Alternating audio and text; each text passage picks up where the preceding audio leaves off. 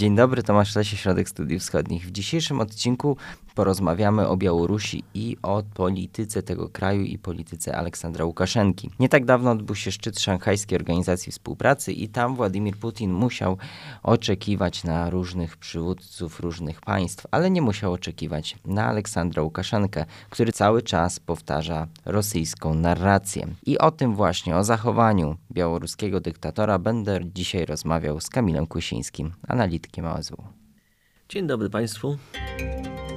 To jest podcast Ośrodka Studiów Wschodnich. Władimir Putin nie musiał czekać na Aleksandra Łukaszenkę. Wprost przeciwnie, retorycznie, chociażby podczas ostatniego święta 17 września, Łukaszenka podejmował coraz więcej wątków, które sufluje mu Kreml. Tak, to jest rzeczywiście zauważalna tendencja. Ona się nasiliła po agresji e, rosyjskiej na Ukrainę, ale nie tylko rosyjskiej, bo też i białoruskiej w pewnym sensie. Białoruś jest uważana i słusznie za współagresora. Nie zaatakowała w sposób czynny Ukrainy. Wojsk białoruskich tam na tych frontach ukraińskich nie było i nie ma nadal. Natomiast udostępniła swoje terytorium i wszystko, co się z tym wiąże, całe zaplecze logistyczne, bazy, te szlaki transportowe, linie kolejowe, wszystko, co było tylko Rosjanom potrzebne, jak i też miejsca do dyslokacji baterii, na przykład rakiet dalekiego zasięgu, pocisków Iskander, które skutecznie, ni niestety, z bardzo tragicznymi skutkami do dziś ostrzeliwują Ukrainę i oczywiście z różnym natężeniem. Więc Łukaszenka powtarza się i powtarza również rosyjską narrację, y, co jest takim refleksem, takim odbiciem y, ogólnego zbliżenia, bezprecedensowego. Tutaj trzeba z całą odpowiedzialnością i bez żadnych oporów podkreślić zbliżenia pomiędzy Moskwą i Mińskiem. 17 września w ogóle sam w sobie, ustanowienie święta w taką rocznicę jak 17 września. To jest data nieprzypadkowa. Nieprzypadkowa. To już jest, sam, sam, sam, sam ten fakt jest y, takim dobitnym dowodem na mm, owo bezprecedensowe zbliżenie. Wcześniej na Białorusi ta rocznica była pamiętana. Chodzi oczywiście o 1939 rok, czyli 17 września, wkroczenie Armii Czerwonej do wschodnich województw II RP. Bardzo bolesna data dla nas, Polaków, cios w plecy. No może nie od sojusznika, ale od państwa, które nie zapowiadało wcześniej, że uderzy. Yy, I tutaj to właśnie do, doprowadziło do krachu państwa polskiego, takiego zupełnego już załamania kampanii wrześniowej i rozpadu Polski, podziału pomiędzy III Rzeszę i Związek Radziecki. Łukaszenka zręcznie pomijając ten no, niezbyt wygodny fakt, on bardzo, no może nie do końca zręcznie, ale widać, że wkłada wiele wysiłku, aby ominąć ten wątek paktu Ribbentrop-Mołotow, składa przekłada właściwie odpowiedzialność na Polskę, że to marionetkowy, faszystowski reżim y, y, sanacyjny y, pogrobowców Piłsudskiego i tym podobne pojęcia padają, doprowadził do wojny, do II wojny światowej. Sam jest sobie winien. Ale sam fakt ustanowienia tego święta jest taką kalką rosyjską. Tu jest nawiązanie do święta jedności narodowej z kolei w Rosji, które jest obchodzone 4 listopada y, związane jest z wypędzeniem Polaków z Kremla w XVII wieku. Więc mamy ten antypolski rys w polityce historycznej, antypolski niespotykany wcześniej na Białorusi.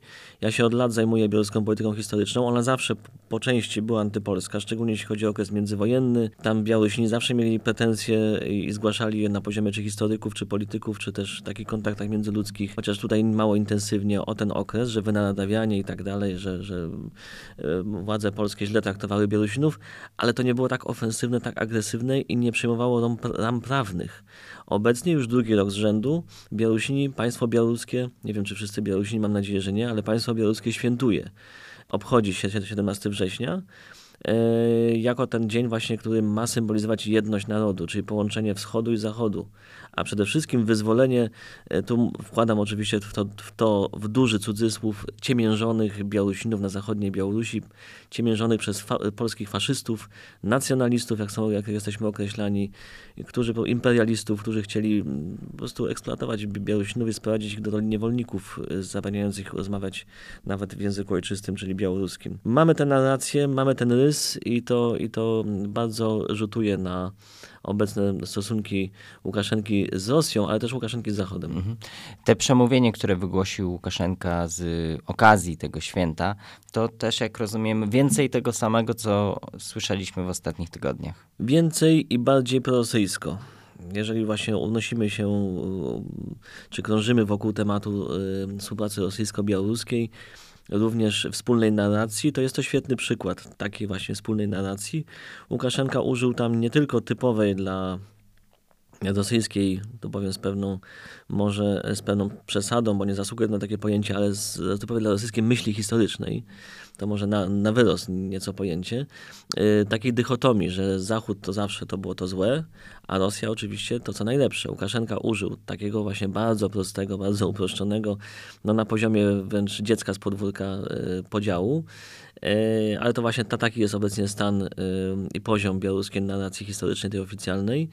I co więcej, użył też bardzo typowego dla Rosjan argumentu, że Polacy powinni mieć moralny, mają właściwie w jego opinii i jego rosyjskich sojuszników moralny dług wobec Armii Czerwonej, która w 1944-1945 roku wyzwoliła przecież ten biedny i bezradny naród polski, który by do dziś cierpiał pod jarzmem właśnie do końca nie wiadomo kogo. Chyba trzecia Rzesza by nie przetrwała i tak II wojny światowej, ale oni nie, nie wdają się w szczegóły. I że powinniśmy im po prostu nieustannie dziękować.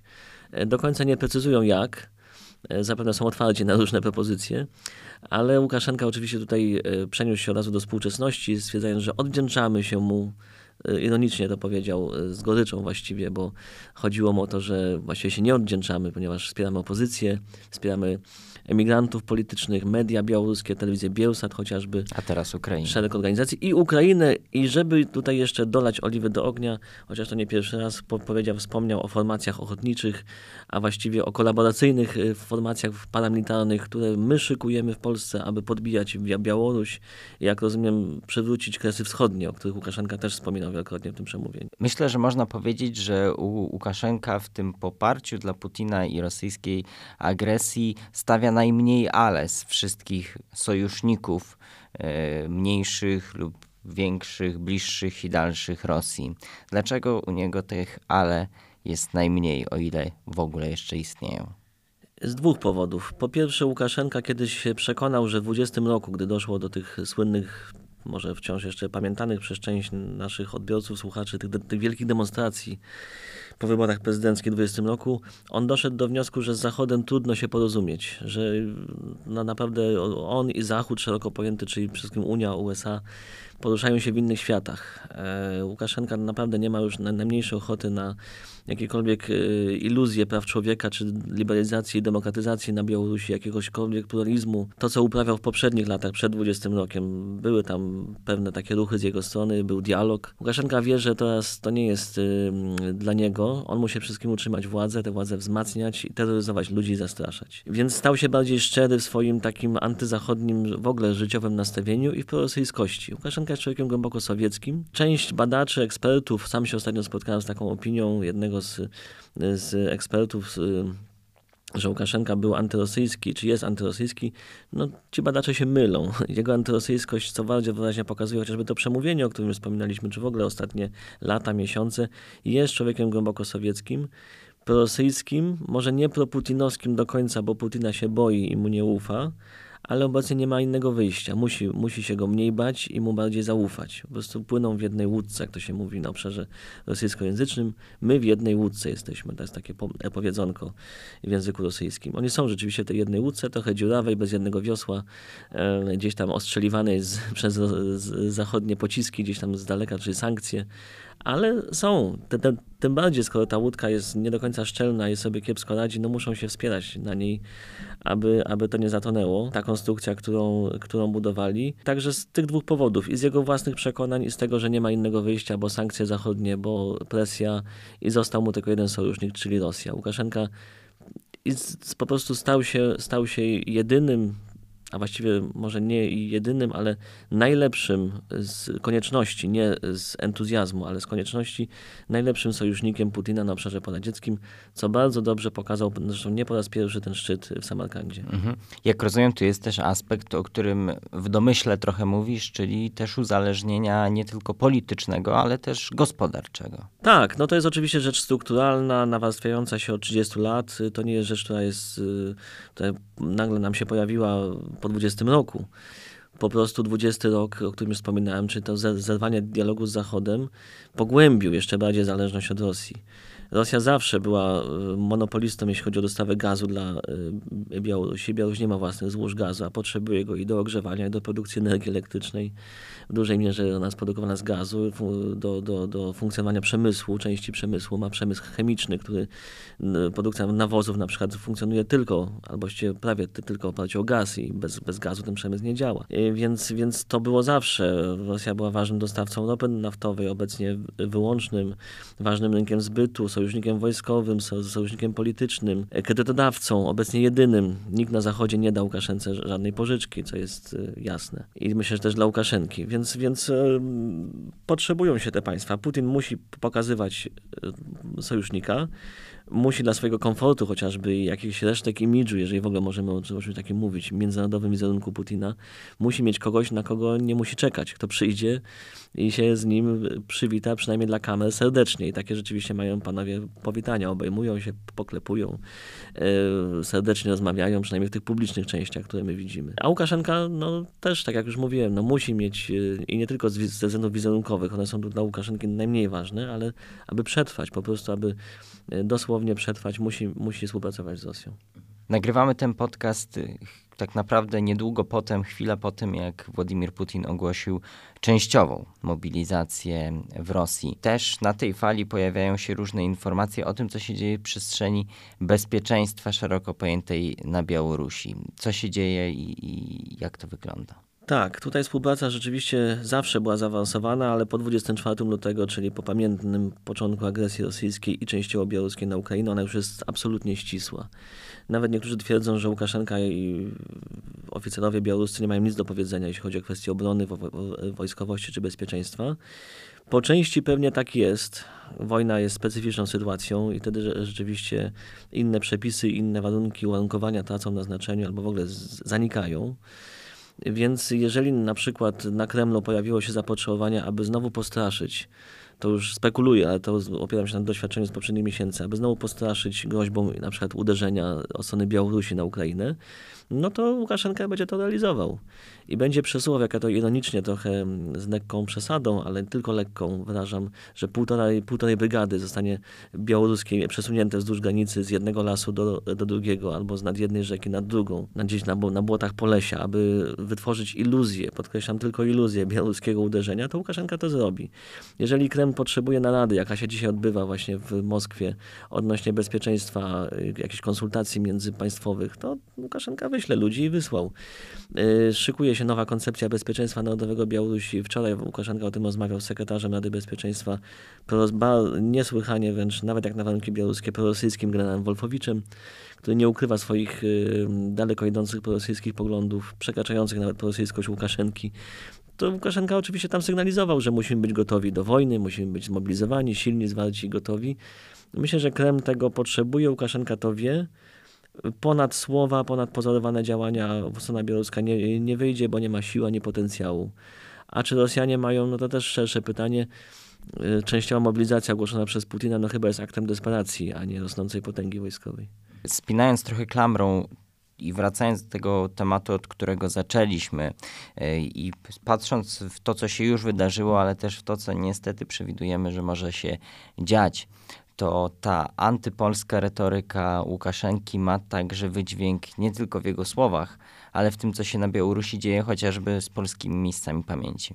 No niestety, staliśmy się głównym chłopcem do bicia, głównym wrogiem dla Łukaszenki w kontekście tego zbliżenia z Rosją. E, Łukaszenka też ujawnia swoją antypolskość. Wielu obserwatorów białoruskiej rzeczywistości, ja się do tego przychylam też, stwierdzało od lat, że Łukaszenka ma jakieś fobie antypolskie. Jako człowiek głęboko sowiecki, wychowany mentalnie, ukształtowany już jako gotowy produkt sowiecki jeszcze w tamtych czasach, przed rozpadem Związku Radzieckiego, to jest człowiek urodzony na tych 50., więc on całe swoje to młodsze, dorosłe życie i swoją młodość, kiedy człowiek kształtuje się, przeżył tam. Jest ze wschodniej Białorusi. To też ma znaczenie e, nie jest z Godzińszczyzny, gdzie, gdzie ewentualnie mógłby mieć jakieś wspomnienia z dzieciństwa, jakieś pozytywne odnośnie Polaków polskiej mniejszości. Tutaj nic takiego nie ma jest y, absolutna ofensywa antypolska, z miejsca pa pamięci, dewastacja cmentarzy, naliczyliśmy 10 ta, takich miejsc przynajmniej, które zostały zniszczone, no, również i całkowicie niektóre z nich. To nie wszystko niestety. Również mamy zapowiedź represji wobec posiadaczy karty Polaka, mamy y, rugowania tak już bardzo jednoznacznie języka polskiego z dwóch szkół średnich Grodnie i Wołkowysku. Od tej pory, od 1 września, czy tego roku szkolnego zajęcia w języku polskim się już nie odbywają, chociaż są to szkoły mniejszościowe y, polskie. Y, zajęcia są po rosyjsku lub białorusku. Polski tylko na lekcjach polskiego, a to nie wiadomo. Ja nie mam informacji, że tam się udało zorganizować takie lekcje. To chyba też jeszcze jest tam jakoś ustalane. Także mamy i takie sprawy. Mamy zmiany w programach nauczania historii. Yy, to może być szok dla wielu słuchaczy, dla mnie osobiście trochę był też, ale dzieci, znaczy dzieci, młodzież w szkołach średnich będzie uczona również o zbrodniach polskich, ukraińskich, łotewskich, litewskich nacjonalistów, faszystów. To jest cytat z ich instrukcji do nauczania. Na podstawie ustaleń śledztwa prokuratury generalnej i ustawy o ludobójstwie narodu białoruskiego, to została przyjęta yy, w styczniu 22 roku, czyli całkiem niedawno i o której jest, w której jest również o Polakach, o polskim podziemiu antykomunistycznym, które mordowało setkami Białorusinów według ustaleń prokuratury i również partyzance Akowskiej, która jeszcze w czasie wojny również mordowała pewnie już tysiącami, bo działała na większą skalę e, niewinnych Białorusinów. Więc dzieją się rzeczy, można powiedzieć, straszne. I to jest absolutna, e, bezprecedensowa, niespotykana na, na wcześniejszą skalę antypolska ofensywa. E, Polska jest po prostu głównym obecnie przeciwnikiem Aleksandra Łukaszenki. I tutaj postawimy kropkę, aby wiedzieć o tym więcej, o tym, co się dzieje na Białorusi. Zapraszam do e, czytania analiz autorstwa Kamila Kusińskiego. Są one dostępne na osw.waw.pl. Tymczasem dziękujemy za tę rozmowę. Dziękuję bardzo. I do usłyszenia w kolejnych odcinkach. Wysłuchali Państwo podcastu Ośrodka Studiów Wschodnich. Więcej nagrań można znaleźć na stronie www.osw.waw.pl.